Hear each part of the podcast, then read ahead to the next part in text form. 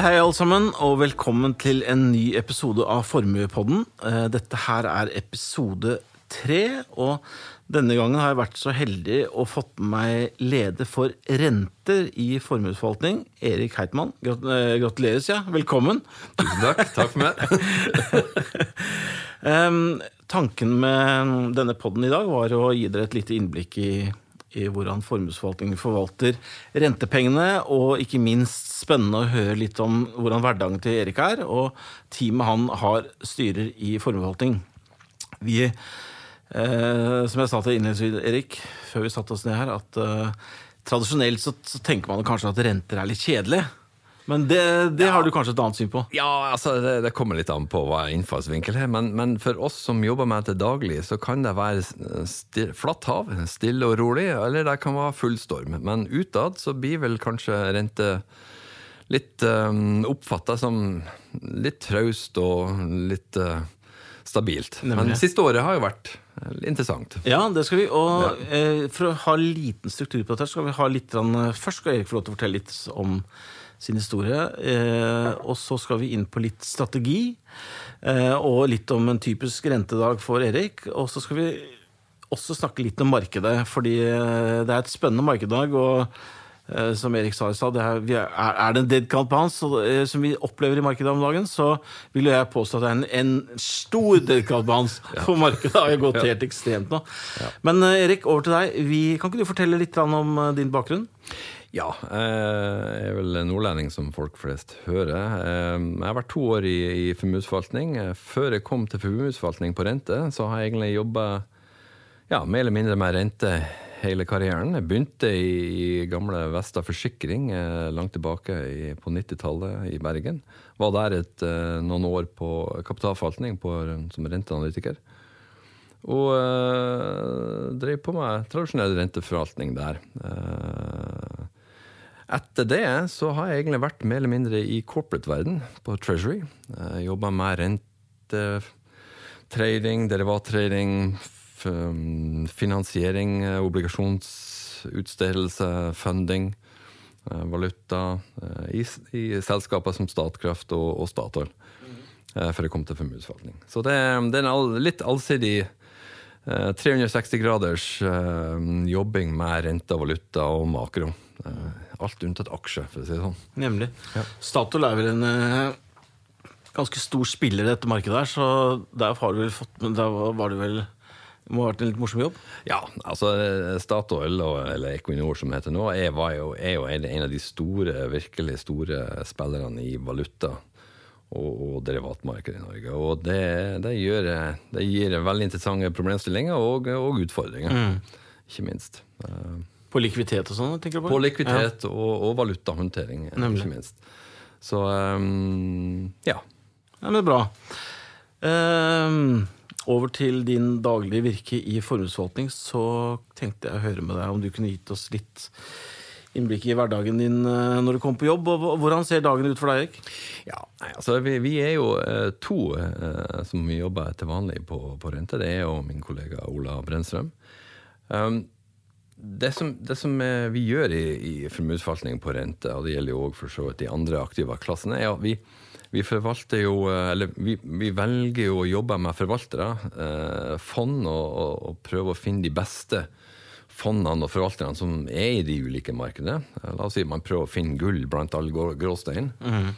Eh, Samtidig som vi jobber veldig mye med å, å, eh, å designe og, og, og sette opp portefølje som skal oppfylle en del mål. Men det er jo overordnede. På den daglige basisen så er det jo veldig å følge med på hva som foregår i de løsningene, vi, de porteføljene vi har, og de forvalterne vi bruker. Eh, Sånn at vi løpende kan følge med omtrent fra dag til dag hvordan en forvalter eh, utvikler seg riskmessig, avkastningsmessig, plukke opp ting som foregår, og som kanskje avviker fra de forventningene vi har til denne forvalteren, som ble plukka ut på visse kriterier i utgangspunktet. Nemlig. Er det sånn at du møter disse forvalterne fysisk? Ja, det er, det. vi har jo løpende oppfølging og møtevirksomhet. Vi ringer de, vi eh, har jevnlige møter gjennom året. Litt oftere på de mer kan man si, såkalte riskmessige eh, forvalterne som driver innenfor high yield, f.eks., der ting svinger litt mer enn en tradisjonell pengemarked, f.eks. Men løpende. Skal være, vi skal være så tett på at vi kan fange opp ting ganske fort. Nemlig. Og det, det mm, juksa vi jo litt av før sendinga og, og snakket litt om, men hvis vi begynner i, det, i den der mm, selekteringsdelen av, Ja. av jobben din, så, så nevnte du at du Det er liksom to verktøy du har. Det er Bloomberg, det skal jeg komme tilbake til. Og så har du Morningstar, som du også bruker litt av. Og det er litt mer på selektering. Kan du ikke fortelle litt av hvordan dere selekterer fondene? Ja, altså Når vi jobber eh, vi, vi har portefølje, som sagt, eh, i våre renteløsninger. Og de er sammensatt av forvaltere med forskjellige fond, som har hver sin egen strategi og en riskprofil og en avkastningsprofil. Eh, Vi bruker Morningstar og noe som heter Mercer for å på en måte etterprøve og mappe ut karakteristikker både på enkeltforvalter, men òg i grupper av forvaltere, hvordan vi syr sammen eh, porteføljene. Så vi har litt eh, kontroll på hvordan helheten fungerer, samtidig med at vi vet hvilken forvalter vi har, og at det er de beste vi velger. Så i sum så har vi en sånn her eh, holistisk view så godt som mulig på hvordan ting nede i porteføljen fungerer, men samtidig òg på helheten, som egentlig skal generere hele avkastningen eh, for hver enkelt renteportefølje som vi kjører. Ja, for du, du sa også, du brukte ordet sylindere. Er, er det liksom eh, For det, mange tenker sånn at eh, hvis, jeg, hvis jeg skulle hatt er Det er 25 milliarder Ja, det er pluss minus. minus. Ja. Si at jeg bare, bare, bare for si jeg hadde vunnet i Lotto i morgen, det var gøy. 100 millioner, Ja. satt 78 millioner et eller annet sted, så ville jeg jo tenkt sånn Ja, da går jeg på rente, så går jeg på øverste avkastning. Ja. Eh, det er vel ikke helt uh, sånn dere holder på? Nei, vi, vi, prøver, vi prøver å være langsiktig i bunn og grunn. Det, eller to bærebjelker. Langsiktighet, men òg aktiv forvaltning. Når man ser på vår investeringsmodell, for å ta den litt om den før vi kommer ned på rente, så er det jo den en slags pyramide der rente skal fungere og ha en funksjon som stabilitet i bunnen av en hel investeringsportefølje, som består av altså aksjer, rente, hedgefond osv. Så så vi skal ha en funksjon som stabilitet. Og det er derfor vi egentlig bruker et begrep eller navn på vår hele, helhetlige renteplattform som, som stabilitet. Den, den består av ulike, i vårt tilfelle fem forskjellige uh, renteløsninger. Hedge, altså uh, high yield norske, eller nordiske high yield, global high yield, globale obligasjoner og norsk, norske obligasjoner og pengemarked. I sum så er det her en stabilitetsportefølje som uh, vi på en måte har prøvd å bruke begrepet rentemotoren på. Og innenfor den motoren der så har du ulike delporteføljer, stempler, altså hedgefond Nei, high yield har én funksjon. Eh, Pengemarked har én funksjon, men i sum skal hele plattformen generere en stabil og god risikojustert avkastning. Og det er her stemplene kommer inn. Vi prøver, Hvis vi prøver å se det som en, som en slags um, ja, en, en helhet. Mm. Som ikke, så hvis du har lyst på veldig mye higher, altså risk innenfor renteverden, så, så, så vil man jo kanskje velge én komponent. Men da er det ikke sikkert hele motoren sin leveranse, avkastning og risk over tid fungerer så bra. Da, da får du, du får high, eh, høy risk hvis du velger høy risk. Men helheten er best, og det er det vi anbefaler. Av erfaring så er det mm, dette uttrykket high yield er det mange som snakker om, men det er ikke faktisk alle som helt vet hva det betyr. Kan ikke du bare kort fortelle hva du mener med det? Ja, altså hvis, hvis du har et selskap eh, som, eh, som ikke har gjeld, la oss si, ikke har rentefinansiering, så har du ikke noe, så har du jo en veldig sikker, eh, i hvert fall eh, en veldig sikker selskap kredittmessig. Fordi de har ikke noe gjeld som, som utgangspunktet kan gå feil. Jo mer gjeld du putter inn i et selskap, og mindre eh, egenkapital, jo mer risiko og, eh, og eksponert er man for, for svingninger i rente og, inn, og omsetning og inntekter til selskapet. Og det her illustreres i rentemarkedet med noe vi kaller kredittpåslag. Det vil si rent, ekstra renten du betaler fordi jo dårligere kredittverdighet du har. Og det er, high yield er de øverste, nesten øverste, på den risikokategorien der det er veldig Du har mye lavere Du har dårligere krigskvalitet enn resten av gjengen, og da skal du betale mer. og Det betyr egentlig at løpende rente du betaler, er høyere. Samme som forbrukslån eh, til enkeltpersoner versus statsfinansiering til staten. For jeg husker ehm, Simen Flåten, faktisk en gammel kompis av meg, som jobbet i Solomon Brothers i Vet du hvem det er? Nei, Simon, ikke, ikke men Solomon. Brothers. Ja, i New York, i New York Han eh, husker som Dette er jo 10-15 år siden. Så, så husker jeg Når jeg jobba i London, så var det sånn Ja, hva driver du med, Simen? Jeg driver med å lå, utstede For meg så hørtes det nesten ut som han var eh, liksom drev med litt sånn utlån av Ja, visste ikke helt hva det var. Men så to, kom han hjem til Oslo og starta Pareto, og nesten startet det der markedet der, hvor plutselig spesielt oljeservicesektoren begynte å benytte seg av dette her. Eh, Ref. Sidel. Alle begynte da istedenfor å gå til banken og låne penger, så brukte de Hail. Eh, hvordan fungerer det, Erik? Nei, altså Det der du kan si her om high yield-markedet og det her med obligasjoner versus bankfinansiering Det du ser her, er jo at eh, rentepapir, altså obligasjoner, sertifikater og den type ting, er jo utstedt og selges public, altså til alle som er interessert i å kjøpe. Mm. Så den som låner inn penger, den som utsteder obligasjon, eh, finner ut hvordan han vil strukturere obligasjon og selger ut til alle som er eh, interessert. Det gir en fleksibilitet som utsteder, fordi da er du kun begrensa av det som står i lånedokumentasjonen på den obligasjonen der. Uh, og uh, hvis ikke du gjør noe feil, eller ikke går konkurs, så, så, så vil jo ting gå til, uh, obligasjonen gå til forfall, og du vil uh, du har en, en rimelig stabil finansiering. I det finanskrisen viste, var jo egentlig at bank, direkte bankfinansiering gir litt litt eh, mer utfordringer hvis ting går galt. Da er det enklere for gjennom en bilateral avtale om finansiering til en bank eller en bankgruppe å bli styrt mer. Mm. og, og, i til, og i hvert fall under finanskrisen, når bankene fikk problemer sjøl, så var det faktisk eh, kanskje bedre for en god del utstedere å gå rett på rentemarkedet, eller obligasjonsmarkedet, og styre utenom hele banksektoren, som hadde nok med sine egne problemer. Og det gjør egentlig at, og high yield er da igjen en, enda en, de, en mer spesiell del av det her, der kanskje det er banker som ikke vil gi de lån i det hele tatt. Og kanskje til og med vil dra prisen enda mer opp enn den prisen de vil få lagt ut en high yield-obligasjon på i markedet. Så i sum så er det det skaper mer fleksibilitet. Og det er sikkert det du refererer med at high yield-markedet i Norge er jo ganske dynamisk i forhold til andre land rundt omkring. og og igjen, det er nok, og derfor kanskje både en del av de sektorene, shipping og oljeservice og de her typiske high risk, konjunktur, prisutsatte, oljeprisutsatte sektorene, lettere for finansiering her, fordi og med mindre dokumentasjon, og fordi man er i oljemiljøet. Og Folk bankene, ønsker, ja, bankene Er litt mer forsiktig med ja, muligens. Altså, er, men ting varierer over tid der. Nemlig.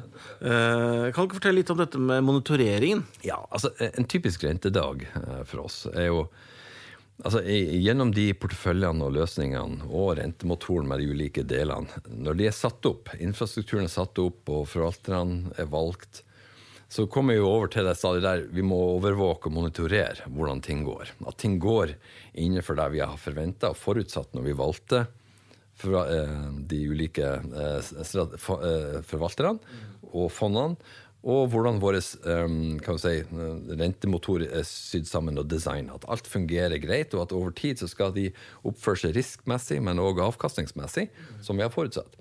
Og det vi bruker etter hvert har bygd opp her, er å, å Eh, på Bloomberg annet, eh, spesielt der, er jo og hvordan vi overvåker her fra dag til dag. Vi kan følge forvaltere individuelt og i gruppe eh, omtrent fra dag til dag, fordi man får jo markedsverdivurdering fra fondene hver dag.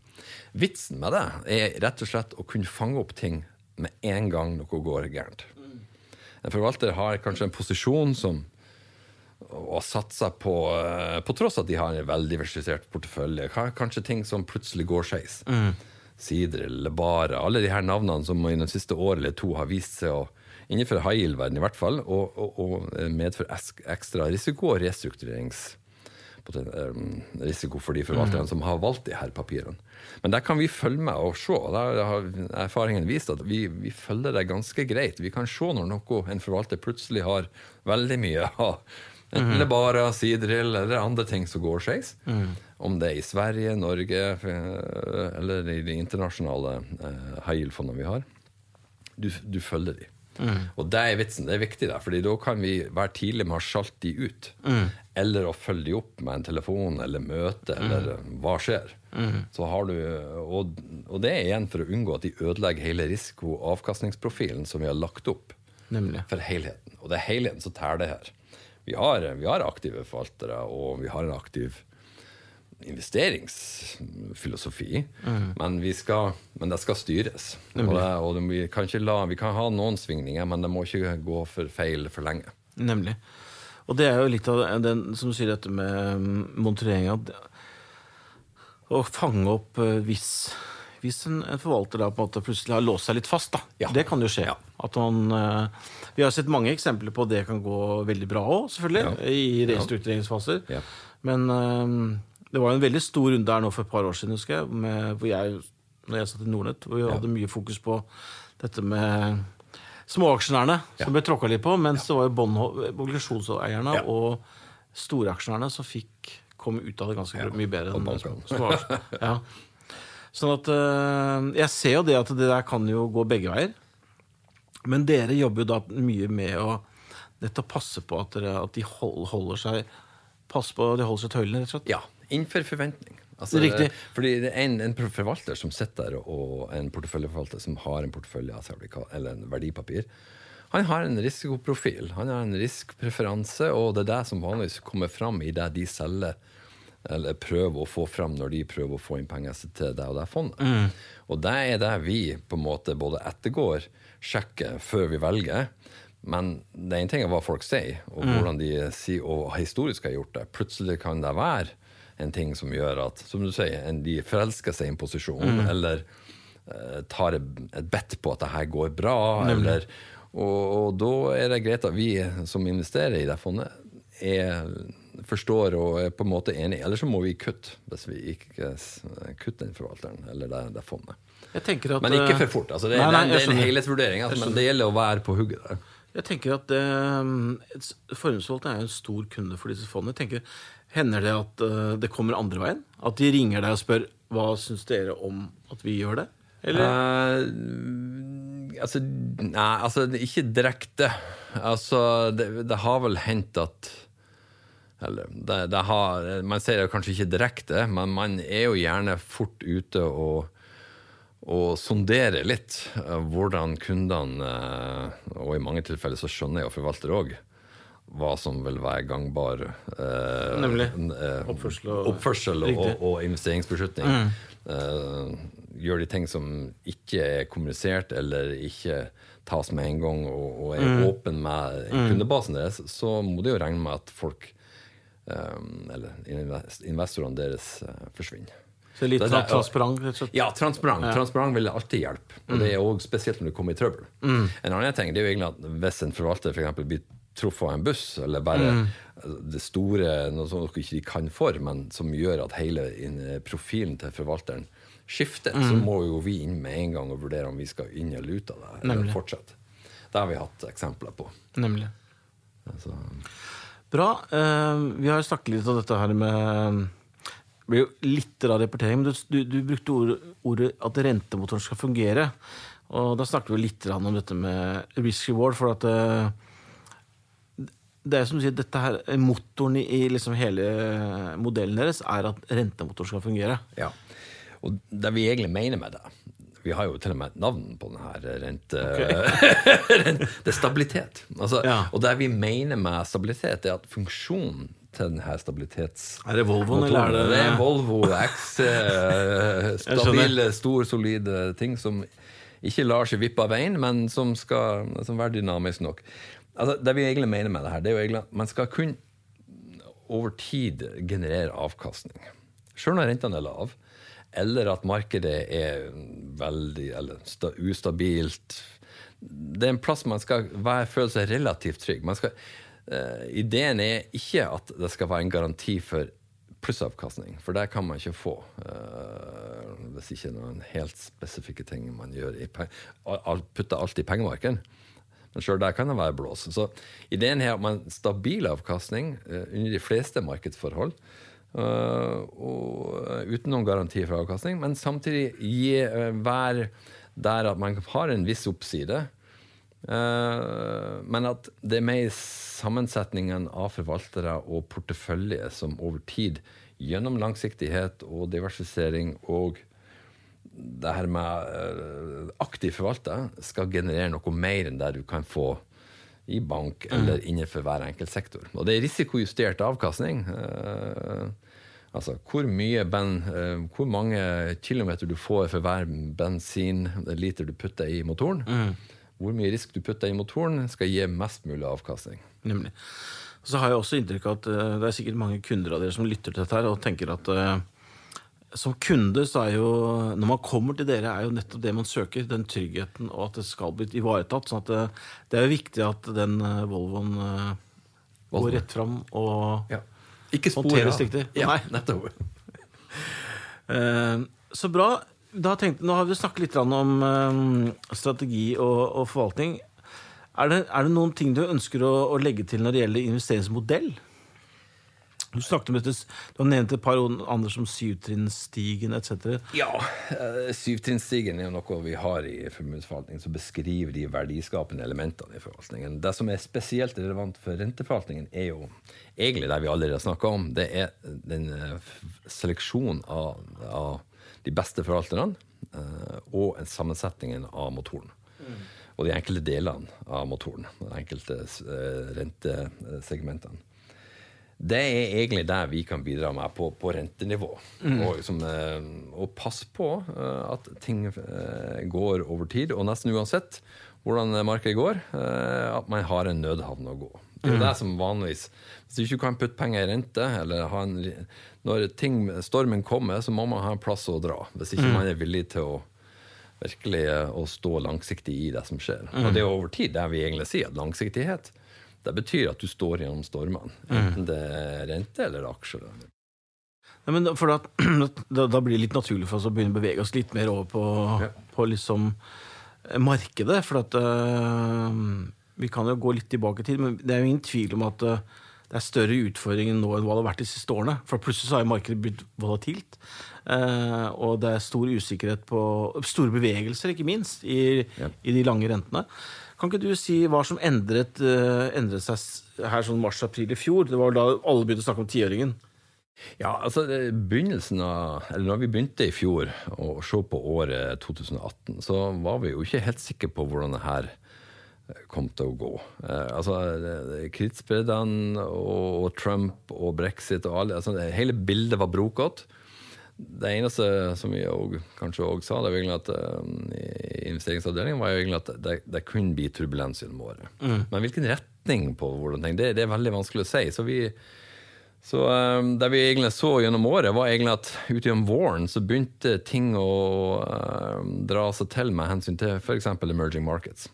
-hmm. Der de begynte å få en smell, og det hang jo gjerne sammen med at, at um, i USA så steg rentene rett og slett. Fordi altså, tiåringen var oppe i over 3 330, 326 Det var det skattelette. Skattelette. Det var egentlig en veldig stor push på at ting skulle mm. gå bra, eller i hvert fall i USA. Mm i Europa og emerging markets og andre plasser var litt mer sånn i dragsuget. Uh, litt usikker på hvor ting skulle gå. Inflasjonsutvikling f.eks. i Europa har alltid vært en, lang, en stort tema. Mm. Det man så fra sentralbankhold, var jo egentlig at det begynte å komme en tilbaketrekning av de her støttetiltakene mm. de hadde. Og det kunne jo bidra til at rentene kom opp òg. I sum så var det jo egentlig at det ble en urolig vår, en urolig sommer. Um, men uh, Og kredittspreddene trakk oppover. Det var vel uh, uh, Og du kan si at det, det, Og det var visse segmenter som steg mer enn andre. Uh, F.eks. emerging markets, som våre løsninger tok en litt hit på. Um, men i sum så, så, så jo året ut til å gå en rimelig null, i hvert fall på rentesida. Men eh, høsten her har vært en spesiell sak. Um, og det er igjen det rentespillet fra Fed mm. som har satt tonen på mye mm. her. Uh, samtidig som at nøkkeltall fra Europa og fra USA og andre deler har ikke, de har ikke helt tatt av. Men alle sammen snakker om at renta skulle opp, og Fed var jo egentlig helt fram til nå senest i siste kvartal veldig på det at rentene var jo under normal. Altså de skulle normaliseres. Og det var det som satte i gang hele den stormen, egentlig. ja, han der- sa at vi er langt Det var en konferanse et eller annet sted, og så sa han Ja. vi er langt Vi er godt under normalt level. Ja. Og Yes. så, etter det, så var det jo Og, og hvis du ser, hører fra investeringsbanker og markedet generelt, så var det jo, på tross av at når de sier sånt, så var det jo òg bildet som, eh, og òg oss i formuesforvaltning, det er jo at de ledende indekser indikerte ikke noe sånt. ikke noe hevinger særlig opp. noe, eller, eller, ikke, altså, eller eh, at konjunkturene skulle ta av på den måten. Nei. Og inflasjonen. At, at det er verifisert ja, en, en, en videre innstramming. Jeg skjønner. Og det, og det har jo bare bekrefta seg gjennom vinteren her og ut på våren her nå. Det er jo det egentlig Konsensus begynner å bli mer, og det er der du så spesielt rett før jul. Fed måtte jo reversere. De måtte jo plutselig si at ok, rentene var ikke nødvendig at vi skulle, vi skulle komme så veldig om. Jo, vi skulle ta det mer fra databasert eh, vurdering underveis. Og nå prises, prises det ikke inn renteheving i det hele tatt. Det er, jeg må si at det det er eh, veldig overraskende. For jeg husker jo gjelden.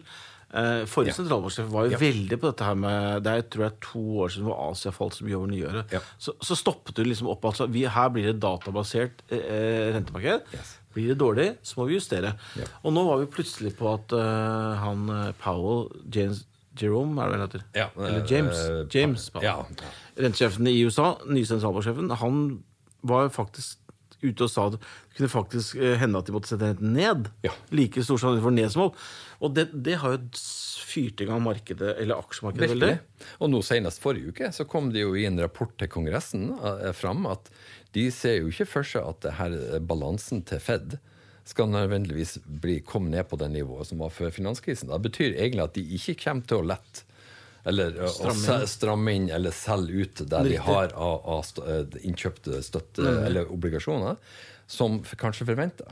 Og det samme ser du i Europa. ECB, europeiske sentralbanken, er jo helt, tydeligvis helt avslappa med å, å begynne å avslutte støttekjøpprogram, som de nødvendigvis må gjøre før de begynner å sette opp renta. Ja, for de skulle slutte 1.12. eller 1. Det var januar. ja, noe, Men nå er det, det, det, Ja, siste Ja, Draghi var like på at de, det gang igjen. og det verste er liksom at inflasjon og lønnsvekst alt i Europa er jo en helt spesiell sak, for der er det jo ikke noe spesielle spark, friske tak i det hele tatt. Nei, vi ser jo at Så så- Tyskland eller Frankrike er vel basically resesjon. Så at det er vel ikke noen stor grunn til at vi skal få noen hevinger der på en stund. Bildet er helt mm, avmat, avmatning i Mm. bildet. Eh, Ikke noe store ting.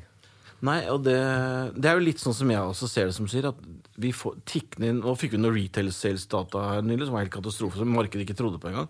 Det var for desember. Men det, er- det er ingen tvil om Erik, at vi begynner å få øh, sterkere og sterkere bilde av at økonomien i verdensøkonomien er litt på avtagende. Veksten er avtagende.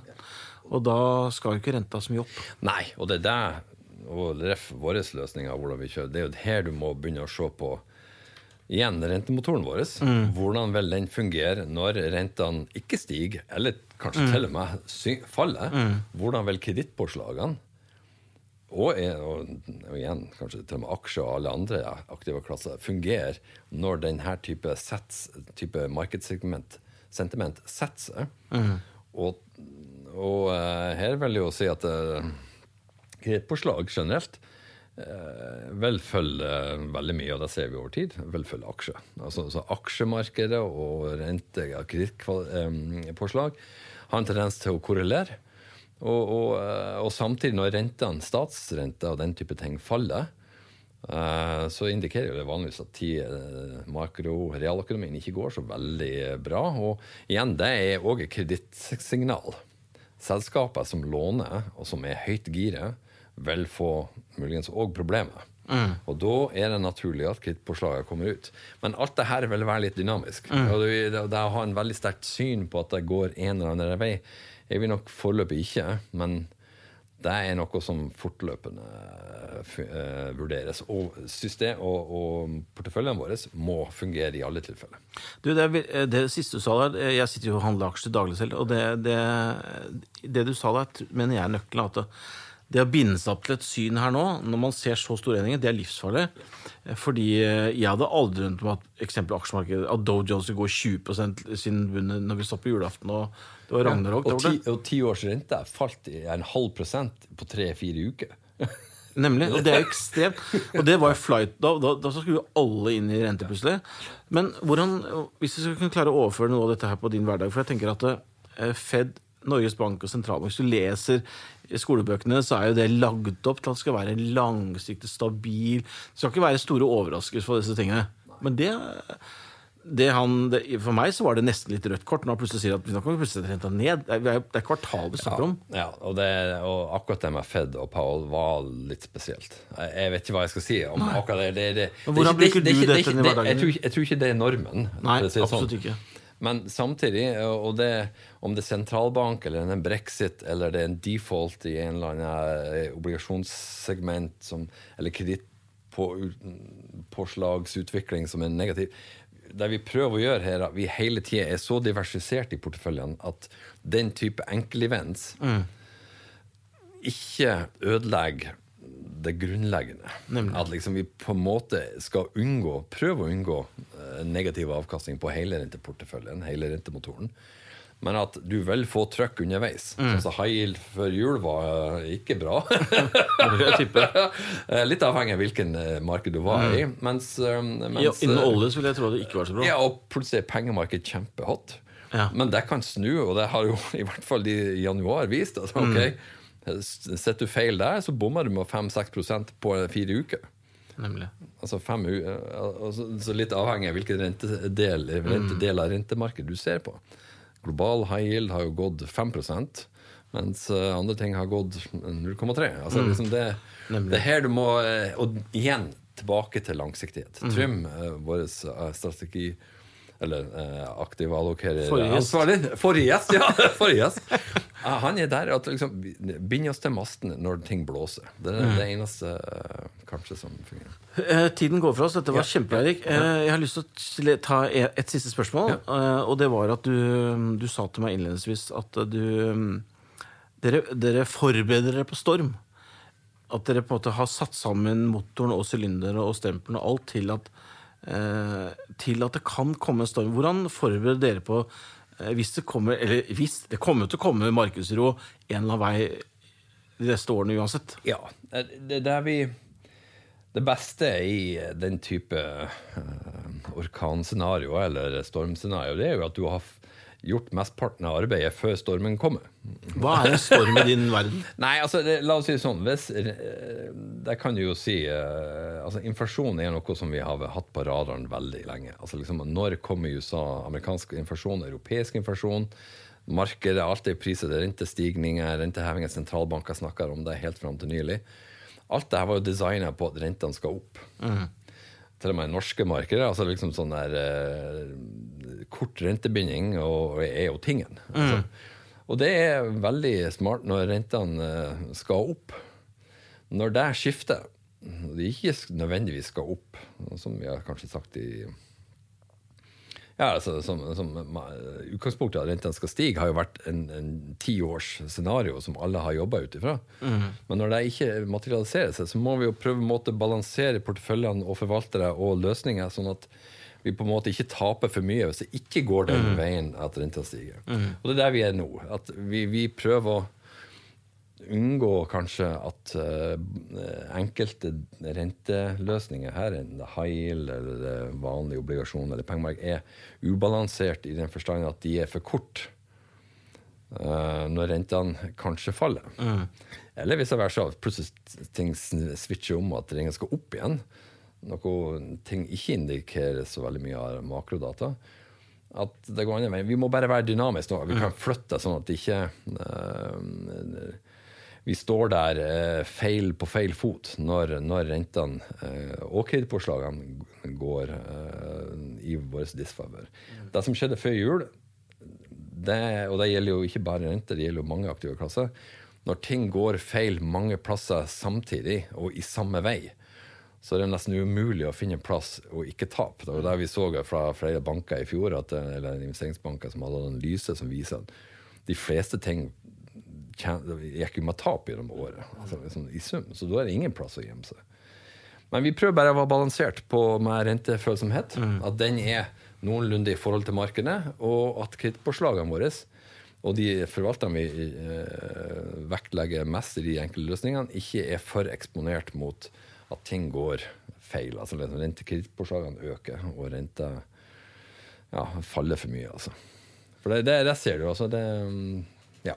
Men igjen, ting skifter her. Om seks måneder så kan bildet være helt mm. annerledes. Mm. Det vet jeg ikke. Så bra. Tusen takk, Erik. Eh, jeg håper at dere lyttere ute har fått litt mer innsikt i, i renteveien. Jeg derimot, eh, derimot sier jeg, eh, har absolutt lært noe av dette, Erik. Og ikke ja, minst ja. få litt innblikk i, i hverdagen din. Den, den, må jo være mer spennende nå på lenge? Ja, jeg syns det er egentlig veldig interessant å gå på jobb hver dag. fordi det, er én ting å følge deg fra dag til dag på systemene, men òg det å faktisk se deg i relieff til det som faktisk skjer uten, altså i markedet generelt. Det er det virkelige. Og ikke minst, skill det som er substans versus støy. Ja. Det er så mye støy nå at uh, Senest i går jeg måtte bare le. I går satt jeg Jeg sitter jo og følger med på markedet ekstremt tett på aksjemarkedet. Var, plutselig så tryna oljen halvannen dollar. Det var altså skjedde nå, liksom. Da var Trump ute og tuta. Ja, nå må OPEC skjerpe seg. Så, så, det er klart når vi, har, vi er i sånn verden, så er det ingen tvil at det er, det er spennende, det er dynamisk, og man må ha en plan. Ja. Plan, yes. Helt enig. Så bra, Erik. Tusen takk. Da ses vi. Ha det. Takk, takk.